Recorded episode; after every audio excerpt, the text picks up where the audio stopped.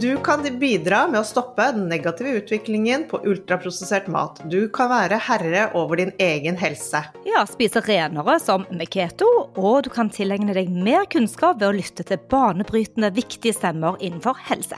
Hei dere, velkommen til oss. Vi er Biohacking Girls, din podkast for optimal helse. Vi er to jenter bak rattet. Dette er Monica. Og dette er Alette. Vi er biohacking-kollegaer og legger sammen våre erfaringer og kunnskap for å inspirere deg til å ta fatt på biohacking for å optimalisere helsen din.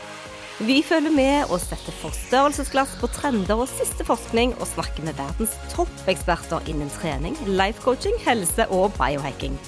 Er du klar for å starte med konkrete hacks, lytte til din egen kropp og ta fatt på din helsemessige reise sammen med oss?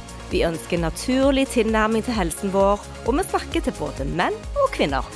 Du kan gjerne gi tilbakemeldinger til oss under podkasten her, og slå gjerne til med en god stjerne. Du finner oss også på Instagram og Facebook. Er du klar? Velkommen.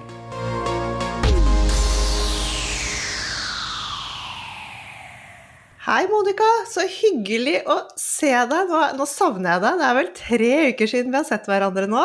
Så det er hyggelig å se deg på skjermen. Nå må vi ta en liten fot i bakken og snakke litt om hva vi holder på med. Ja, det er kjempefint å se deg òg. Det er jo gry tidlig for deg å se en her som har det mørkt i begge ender og sitter begge to med sånne blue blockers på. Du har dine fordi det er morgen, og jeg har mine fordi det er kveld. Så her er vi helt i synk, men usynkrone likevel. Hvordan har du det? Jo, jeg har det kjempebra. Det er, det er liksom et sånn veldig lite tidsvindu man har å snakke på når man eh, har så stor forskjell eh, på tiden som det er for meg på Hawaii. Men jeg må bare få dele hvor utrolig Vi snakket jo litt om det før vi startet her, hvor deilig det er å leve et liv i varmen. Og, og, dette med at døgnrytmen er helt lik, det, det, har jeg tenkt litt på nå. At det er tolv timer lyst, og det er tolv timer mørkt. Og det lever man etter. Her nede så kaller de faktisk klokken åtte om kvelden heter Hawaiian midnight. For alle går og legger seg. Her er det ikke mye lysforurensning og ingenting som skjer etter at det er mørkt. Så jeg må bare si, søvnskåren min er jo sånn Jeg har litt sånn, sånn streak på kanskje tre dager på rad hvor jeg har mellom 90 og 100, og det kan vi jo si er ganske bra. Så ja, jeg lever og koser meg på den måten. Og du, da? Jo, og så er det jo litt kombinert med at du faktisk er borte fra alt stresset og julemaset og alt som skal skje her hjemme, så du har jo på en måte ferie, selv om du jobber litt innimellom, så er det jo en annen ting òg som påvirker søvnen. Helt klart den døgnrytmen og det mørke. Men um, en annen ting jeg har tenkt på, Alette, er jo at vi to er jo født på sommeren begge to. Så noen craver jo ski og vinter og være ute og sånn. Jeg har bare lyst på sommer hele året, og så syns jeg at uh, når vinteren kommer, så gjør jeg det beste ut av det. Hoppe ut i den cold plungen og ut i sjøen og Men jeg er ikke akkurat motivert. Jeg syns det er ganske mørkt og trist hjemme. Du, jeg, jeg, er helt enig. Det er, eh, det er nok kanskje noe med det at vi begge to er født på sommeren og veldig glad i dette her. Og jeg har alltid likt veldig godt varme i forhold til kulde. Ja, du vet jo hvordan jeg var når vi begynte med biohacking. Det var ikke lett å få meg ut i det kalde vannet. Men det er jo ting som vi faktisk må gjøre når vi bor i et kaldt land. Ja, jeg hadde en liten svipptur nå i helgen ned til Marbella, og det er jo sånn reise to timer, men jeg har jo på meg da EMF-skjerfet mitt, EMF-luen, og jeg har den lille steinen rundt halsen, så jeg føler meg sånn eh, pretty protected. Men når jeg kommer ned der, så var det verdt de fire time, timene på fly ned. Og jeg får òg hvilepuls, jeg, har, jeg går tur og er ute, og bare får så oppladning og og det er deilig, og jeg skal jo ha en ny reise til Bahamas, så vi skal jo snakkes igjen fra disse strendene våre. Jeg reiser igjen på søndag, men nå bestemte vi oss for å ta en liten fot i bakken oss to, for det var en stund siden. Vi har hatt masse gjester. Og touche innom det med strender og grounding ja, og døgnbiologi, men òg om keto-kurset som kommer nå 12.12., Biohacking Weekend, og ikke minst det temaet som har vært veldig hot de siste ukene, det er vegetabilske oljer. Så velkommen, kjære lyttere. Vi er i gang med en ny episode. Ja, som vi snakket om litt eh, innledningsvis, så er det dette med sommer og vinter, og vi bor i Norge, og det liker vi, og det vil vi, eh, selv om vi også er glad i varme. Men det jeg har brukt mye tid på her nede, er jo å lese om um, circadian rhythm og de tingene som jeg driver og studerer litt nå, og syns er veldig spennende. Og også for mitt eget hode å liksom klare dette med, med vinteren. og det har gått bedre og bedre, syns jeg, de siste, siste årene, det derre å embrace den kulden. Ikke bare 'å, alt er kaldt', og være inne der hvor det er varmt og sånne ting. Og i fjor vinter så husker jeg da, da måtte vi bare, for da drev vi og stengte av huset pga. Pga. strømpriser, så vi hadde jo ikke noe mer enn 15-16 grader inne. Og det gikk faktisk fint, så lenge du ikke Altså, du, man kan kle på seg, man er mer ute uten å Og så liksom heller prøve å snu dette her til å tåle tåle den kulden litt. La det bli en del av, av, av, hvordan man skal leve om vinteren, og tenke at, man, at, vi faktisk trenger det om vinteren, for det er mørkt. Og, og, og vi, vi, trenger kulden for å skape den der indre varmen vår. Vi kan ikke leve i det samfunnet hvor alt er altså 18 grader hele tiden, bare inn og ut. Alt er behagelig, sant? Alt er ja. behagelig. Jeg gjør litt det samme nå. Man får jo litt sånn dilla på forskjellige ting, da. Så nå, akkurat nå hopper jeg jo da i shorts og bh, men jeg har oppe på, på trampolinen. I dag var det tre minusgrader ute i hagen. Og det er ikke lenge, det bare får kjøle meg ned før jeg går og dusjer. Og det er superdeilig, friskt og godt, og det er jo ikke noe morgenlys engang, for det er mørkt nå. Men det er den følelsen av å få liksom ja, boostet, så bruker naturen eller vinteren og årstiden sånn som det er. Og den cold plungen har vi jo brukt lite grann, men nå skal Faktisk har dette Simen Løseth, som er ukens gjest. Vi har jo hatt han om vegetabilsk olje denne uken. Vi har tekstet litt frem og tilbake, så nå skal han komme og få låne min cold plunge, for nå reiser jeg til Bahamas. Så, kan... så her kan vi resirkulere og låne hverandre. Det syns jeg òg er veldig fint. Men det er som du sier, eh, jeg tenkte litt på det med studiene eh, når man studerer døgnbiologi og sånn. Så det er én ting å få alt det teoretiske opp i hodet, men så må man ut av teoriene og føle dem på kroppen. Og det er jo litt gøy når man biohacker. Mm. At du mm. får teoriene, du leser forskningen og studiene rundt det emnet man holder på med. Men så er det rett og slett det å ta den runden og stå opp morgenen og kjenne etter og blokkere lyset både morgen og kveld, og få det inn under huden på en litt mer sånn kroppslig, erfaringsbasert måte. Ja, i går så var jeg med på et eh, webinar om da døgnbiologi i forhold til vinter, og jeg satt ute i bikini og tenkte dette var, dette var, dette var veldig rart. Men da var det snakk om, eh, om dette med å, å, prøve å skape den indre varmen, den infrarøde varmen som vi, vi kan skape selv veldig enkelt, både med badstue, med å ta noe varmt å drikke, og, og ta på oss varme sokker sokker, sånne ting, og skape den varmen selv, samtidig som vi har det kalde ute. Og så er dagene kortere. Vi må, vi må spise mindre om vinteren, vi må slappe av mer, vi må gå litt mer innover og, og, og, bruke vinteren annerledes enn det vi gjør sommeren. Og særlig vi da som har disse lange somrene. Vi har jo store kontraster i forhold til hvordan man kanskje sånn opprinnelig skal leve, da, så mye av dette med circadian går på. Men det, det er gode påminnelser det du sier der, Alette. Skape varmen igjen litt selv. For det er jo fort at det, dagene er så hektiske at du glemmer liksom å ta deg den tiden, men det går an å gjøre akkurat det. Ta på et ekstra pledd og sette seg med en god kopp te. altså gjør, lage litt opplevelse uh, ut av det. Mm. Men vi hadde litt lyst til å snakke sammen i dag, eh, der, dere kjære lyttere der hjemme i stuen som hører på oss enten på tur eller hvor enn dere går. Dere er så utrolig gode til å skrive til oss, og vi må bare si at vi er veldig rørt over engasjementet. Og vi er jo her fordi at vi har lyst til å gi en stemme til uh, forskjellige utfordringer som vi ser i samfunnet. Ikke nødvendigvis alltid for å pirke og pirke og pirke, men iallfall skape såpass mye opplysning og, og, bevissthet, sånn at alle kan bidra til å ta et tak. Og dette syns vi var litt viktig å dvele litt oss to, da, siden mm. vi nå mm. snakker om f.eks. vegetabilsk olje, og det er mye som skjer. Så vi har mm. masse på agendaen her i dag. Vi kunne kanskje begynne litt med at vi har uh, flyttet uh, Biohacking-weeken til vårparten. Uh, og det òg er jo litt interessant for, i forhold til hva man blir vant til. Det blir jo tredje år med Biohacking Weekend, altså det tredje året med Skandinavias eneste biohacking-kongress. Og det er da 20. april neste år. Hva tenker du rundt det, Alette? Jeg gleder meg veldig. Jeg også gleder meg veldig veldig til det også. Syns jeg vi tre som eh, skaper denne Biohacking Weekend sammen, sammen med Kristin i Kongresspartner ja, ikke sant. At vi eh, faktisk landet på fordi det skjer så mye på høsten. Den er liksom så kort. Og det er så mye at det å, å liksom kunne glede seg til sommeren, det blir lysere og ja, nei, jeg, jeg, føler at, det, at vi har gjort en fin løsning nå med dette one day event dette året. Fordi det kan bli litt mye med en helg til om bare seks måneder. Og så på, fra 2025 så kjører vi på igjen med full pakke. Og det var litt bra, for da satte vi òg litt sånne grenser for oss selv, for vi jobber veldig mye. Og eh, det, er tidkrevende å skape innhold, og de store foredragsholderne som skal på plass. Så vi var litt glad for at vi klarte å lage en god løsning, den mellomløsningen da. Men skal det være litt gøy òg, vi har jo noen helt vanvittig bra navn og kule opplevelser som skjer. Så det kommer dryppende inn litt informasjon her og der. Eh, snart programmet begynner å spikres, men vi har allerede lansert Marte Roa Syversen Andersen som foredragsholder, Syvertsen. Hun skal snakke om den nyeste forskningen på avhengighet, og hvordan vi kan hacke de mekanismene i hjernen selv. Så nå på mandag så kommer det en podkast om avhengighet med henne.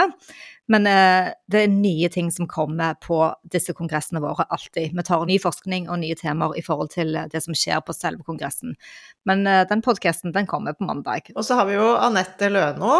Som, hun har vi jo også hatt på podkasten tidligere, og vi gleder oss skikkelig til at hun skal snakke om eh, denne biohackerens superpower, nemlig vagusnerven. Det skal bli veldig, veldig Hun er utrolig up to date på alt med vagus, og det er kjempespennende. Ja, og så siden vi først er i gang med alt det vi holder på med, så kan vi jo si at vi var jo veldig heldige å få lov til å samarbeide med Torkel, doktor Torkel Færø for å lage dette keto-kurset. Vi har jo holdt keto-kurs ja, i flere år, litt lengre sånne type kurs som har vart i tre og fire uker. Med Zoom mm. calls og sånn, så fant vi ut nei, vet du hva, nå skal vi gjøre det så mye enklere. Vi har altså så mye erfaring nå, du og meg, Alette, og vet hva som funker, så vi trenger ikke holde på å dvele så lenge med det. Og det kan òg skape litt mer sånn komplikasjon for folk hvis de skal ha så mye informasjon på et sånn type kurs. Så det er Keto-kurset 12.12. på pulskuren.no det er eh, et unikt, kort, intensivt kurs eh, hvor det handler bare om å skravle ned alt vi skal dele av hvordan vi skal komme i gang. Mm. Ja, det, og det, det, er et kurs som egentlig passer for alle som er litt nysgjerrig på dette her, og ikke har prøvd dette med keto-type kosthold. Eh, fordi vi vil lære dere helt basic ting, vil vi begynne med. Og så bare kjøre på med alle de erfaringene vi har gjort oss, hva vi har lært. Eh, hvordan du kan gjøre det til din keto-reise. Ja, det blir kjempe Vi har masse innhold og gleder oss til å dele med dere. Ja, og så vil vi òg da bare sånn informasjonsmessig kunne hjelpe til med litt forskjellige varianter av denne keto med mer grønnsaker, mindre grønnsaker, mer fett, mindre fett. Mer, ja. Så alt dette Det er mange måter å nå den både ketosen, eller iallfall den ketogene livsstilen på. Så det blir super, superfint. Så da ja. går du inn på pulskuren.no og velger arrangementer der. Og da koster dette 500 kroner hvis du er medlem hos Torkel.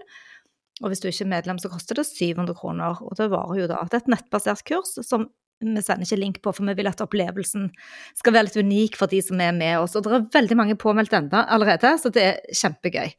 Men uh, ja, så da, da syns jeg at uh, vi litt, kommer litt tilbake til denne kursvirksomheten vår, Alette. For det passer fint nå før jul. For folk vil jo kanskje sette startskuddet på 2024 ja. og begynne å forberede seg litt, ikke sant? Ja, helt klart. Og som, de, som biohackerne vi er, så er det jo dette med individualisert som jeg syns du, du, var veldig fint at du fremhevet det. At dette her er noe som noen liker den måten å spise på, og noen liker den måten. Og dette kommer vi til å, å snakke om. Hvordan man gjør det til sin keto-reise. Og ikke minst hvordan den maten påvirker HRV-en da òg, sånn at vi kan kanskje hjelpe mange som føler at de har litt for lav HRV, at den kan bli litt høyere med noen gode tips fra oss. Men du, denne uken.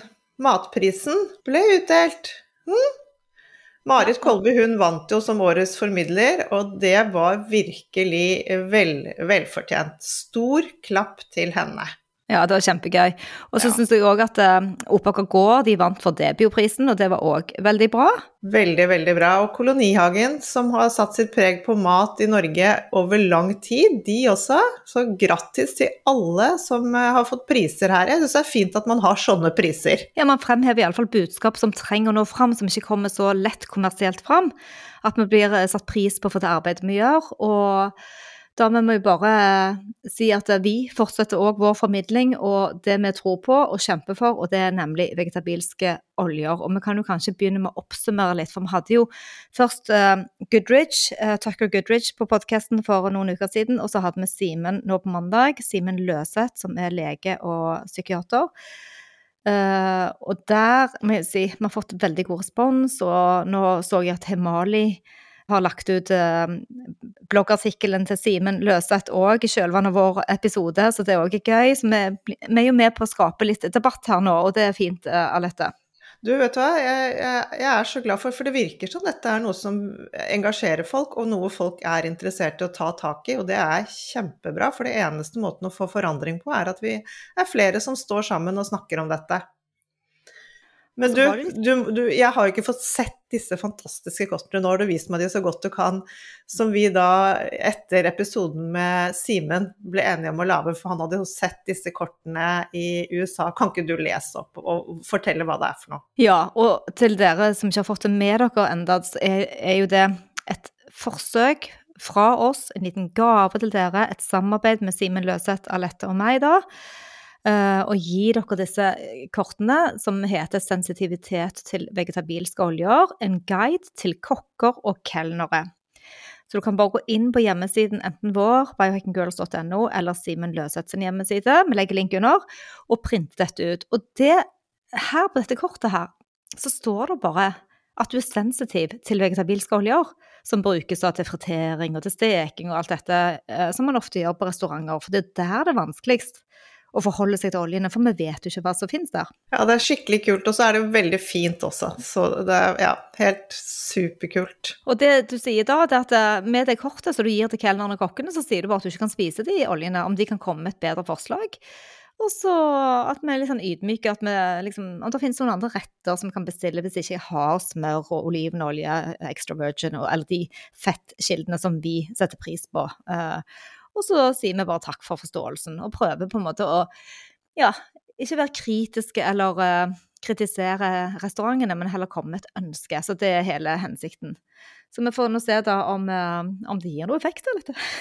vi får se på responsen, hvordan det går, og om noen, noen, tør å bruke de. Men la oss gå inn i disse temaene med vegetabilske oljer. Simen Løseth han syns det er en bedre definisjon å si frøoljer. Vi bruker begge deler. På engelsk sier de både seed oils og vegetable oils. Så, så iallfall bare for å fortelle hvilke oljer det er snakk om, da. Så er det jo raps, solsikke, Saflorolje, peanøtt- og maisolje, soyabønnolje, bomullsfrøolje, druefrøolje, margarin og den der Criscoen. Riskliolje og en olivenolje eller smørblanding, da, for de er ofte tilsatt flere forskjellige ting. Så de vil vi prøve å unngå. Og så kan jo eh, du Alette fortelle hva vi to spiser, kanskje? Ja, fordi vi har jo mer eller mindre klart å eliminere disse oljene sånn i hverdagen, i hvert fall det vi har kontroll på. Og jeg vet jo du er veldig glad i olivenolje og smør.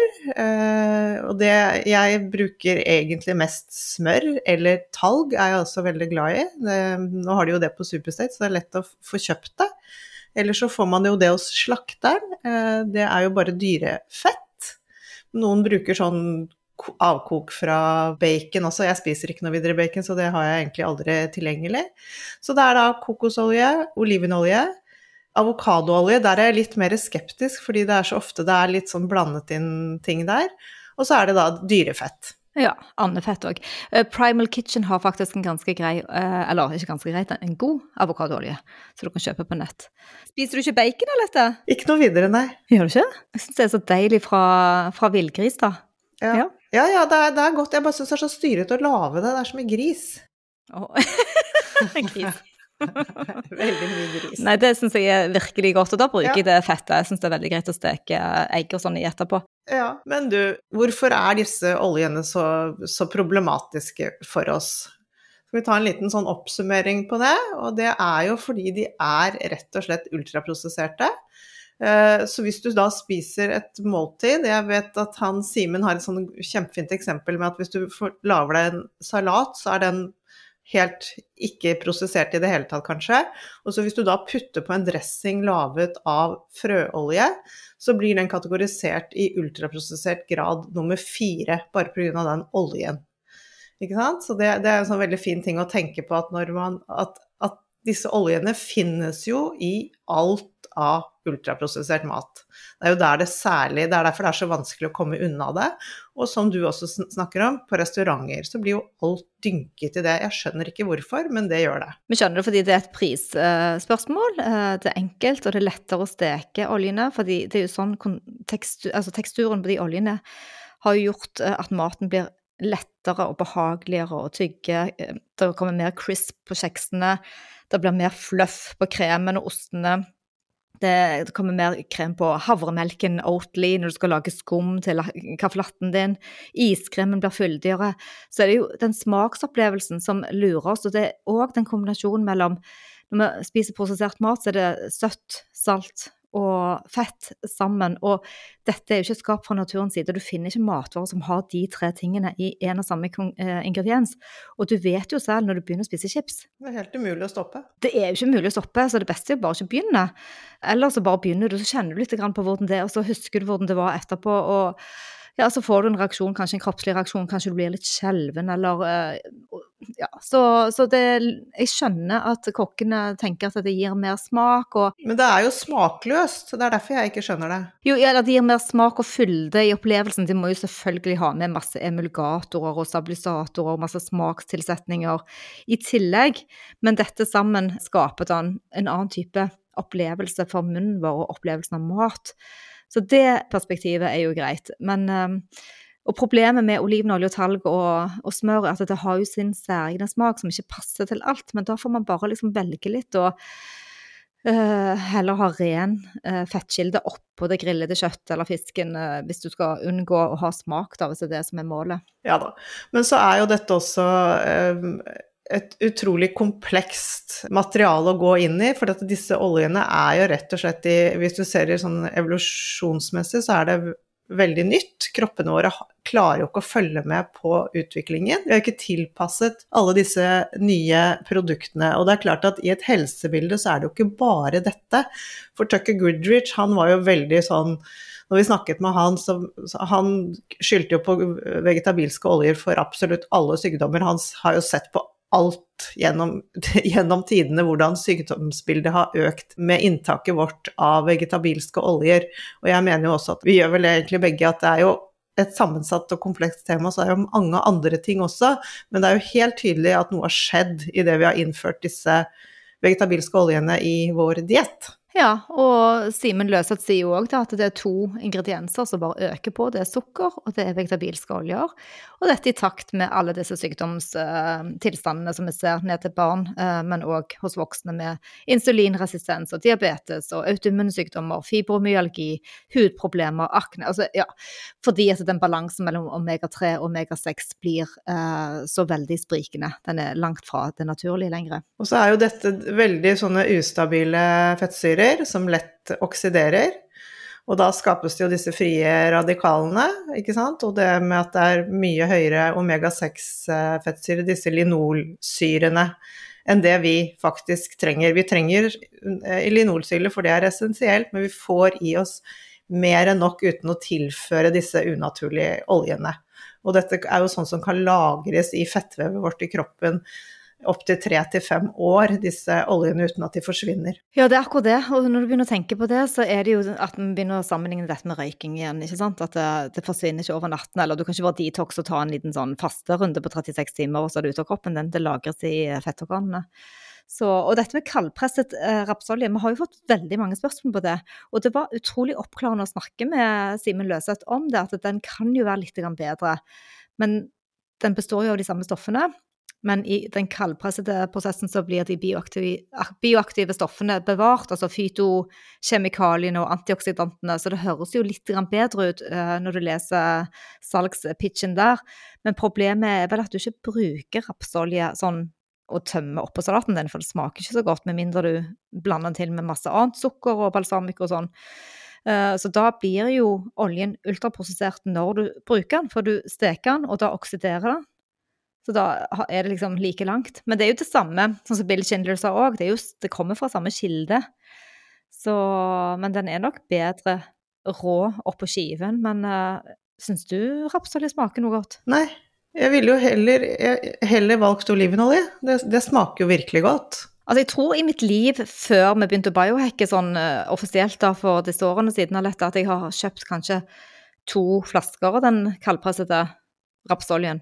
Ja. Og jeg syntes det var forferdelig hver gang jeg satte på, ja. på jernpannen min og skulle steke noe i den, for det luktet sånn harsk, sur, ekkel fisk, mm. nesten. Mm, jeg er helt enig. Ja. Det er skikkelig ekkelt. Ja. Men, eh, men, ja. men vi, vi, er jo blitt eh, fortalt at dette er det aller sunneste, og det er norsk, og det er, ja, som, som Simen igjen sa, skikkelig bra salgspitch. Men idet du varmer opp den, så er den jo rett og slett blitt oksidert. Ja. Og den eh, kan ødelegge både metabolismen og forbrenningen vår. Og dette handler jo også om at mitokondriene de skades.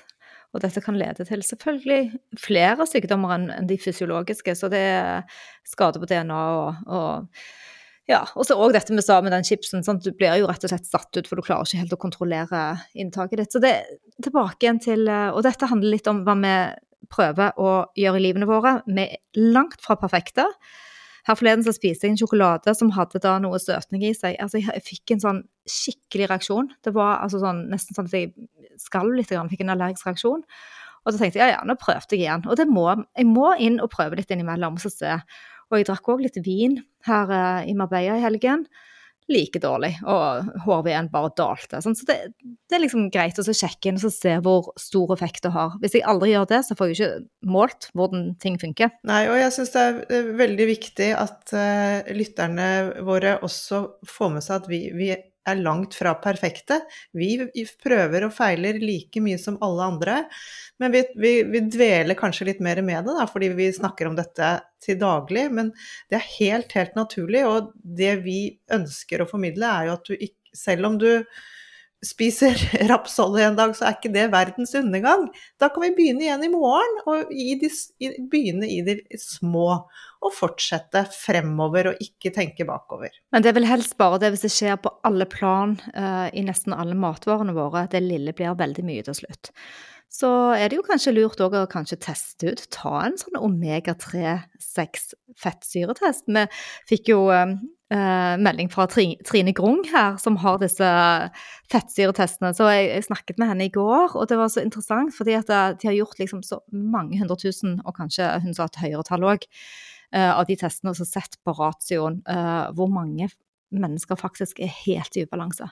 Så det er kanskje òg en god start å ta en liten uh, test. If you can't track it, you can't hack it. Så det er jo òg litt av vårt mantra, at du må på en måte hver og en må måle hvordan det er. Og, og, og, vi responderer forskjellig på disse oljene òg. Det er ikke alle som responderer like mye. Noen trekker til seg mye mer enn andre. Ja, ikke sant. Og det, det er jo noe med mengde også her, ikke sant. Så det, det kan være fint å ta Noen blir jo motivert av sjekking for å gjøre endringer. Og er du en av de, så prøv å sjekke. Kanskje alt er kjempebra. Men la oss se litt på hvordan man leser ingredienser. Hvordan leser vi egentlig ingredienser? Hvilke briller setter vi på oss, og hva betyr det som står på den labelen? Ja, det, det, det, som er viktig å vite når du ser en label, er jo at det, det som står først på labelen, det er det det er mest av i det produktet. Og så går det i fallende rekkefølge nedover. Og så er det jo alle disse e-ene og alle disse bokstavene som står bak, det er da tilsetningsstoffer som også blir brukt. Og da er det noen av de som ikke er så heldige, og andre som ikke er farlige i det hele tatt. Så det er vel egentlig det viktigste å se på. Og jeg tenker jo mer sånn at jo mindre ingredienser det er på en pakke, jo bedre er det. Som regel. Ja. Så for å oppsummere det litt, det som det står først på boksen, eller det glasset du finner, det er det meste. Så hvis det står f.eks. 25 av eh, lever, så er det 25% lever, og da er det 75% av andre ingredienser. Så håper vi bare at den ingredienslisten er kortest mulig. Men vi tok for oss uh, den kjente stabburets leverpostei, som uh, Orkla Foods har i dag. Den ble jo etablert på 50-tallet. Uh, og den i dag så inneholder den eh, svinelever med 31% Det første som står på, på, ingredienslisten der.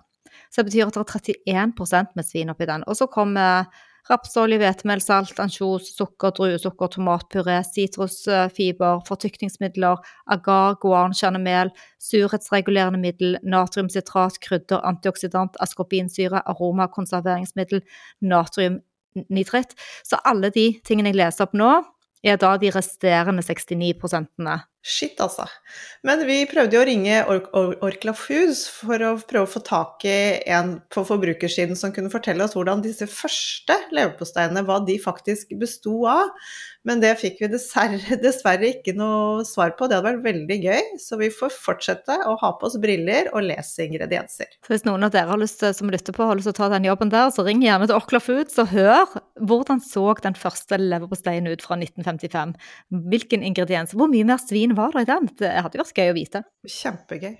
Ja. Nei, men det er bra. Det er akkurat det. Vi, vi, jobber med forskjellige ting. Vi jobber med å inkludere gode ting. Legge på de tingene, type sette på briller og se morgenlyset når eh, solen står opp. Bevege oss. Faste litt. Hoppe på trampolinen. Uh, være takknemlig. Søke naturen. Søke spiritualitet. Vi gjør alle de tingene. Mm. Og så jobber vi òg da med å eliminere de tingene som tar helsen fra oss. Mm. Og hvis du hørte på den episoden med Simen, så kom vi inn på veldig mange fine måter hvor vi kan starte en sånn helsereise. Han hadde veldig mye fine triks og tips på hvordan vi kan starte. Det med at man må starte i det små, ikke, ikke favne for stort. Selv om man er full av pep i begynnelsen, så ta det steg for steg, og la det bli vaner i livet ditt. Så jeg syns det er et utrolig bra tenkt. jeg bare tenker tilbake på meg selv. Hvor langt jeg har kommet gjennom alle disse årene jeg har holdt på med dette, fordi jeg har gjort det kjempesakte. Det har gått over tid. Og så plutselig så er jo dette bare en reise. Det er, det er sånn jeg lever.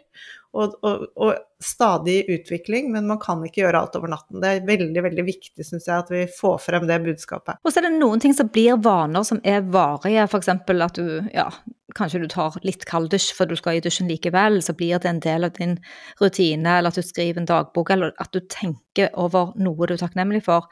Men så er det andre eh, rutiner som kanskje går litt i bølgedaler i, i, i takt med sesongene som endrer seg over tid. Så alt er ikke alltid hele tiden. Det er fint å endre litt på det òg.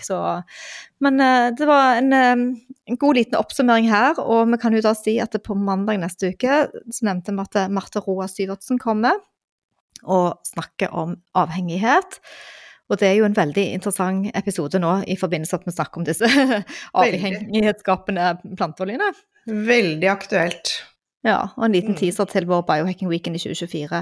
Ja. Og neste uke så har vi òg en ekstra episode. Det er, ikke, det er ikke alltid vi har torsdagsepisoder, men vi gjør det av og til litt sånn for å enten belyse en internasjonal gjest og snakke litt om det gjennom på norsk, eller hvis vi har litt kortere episoder. Og uh, vi snakket med en som heter Henrik Berntsen, som går under navnet Helse-Henrik på Instagram. Og han neste uke deler sin historie fordi han, en, han har en saktevoksende lymfekreft. Og han har liksom blitt litt sånn biohacker som oss, og har reversert mange av de symptomene. Så vi var interessert i å høre hans historie, særlig fordi at vi òg snakker om planteolje med han. Mm, kjempespennende. Vi gleder oss til det. Så da, tusen takk for at du lyttet, og da sier vi track it and hack it.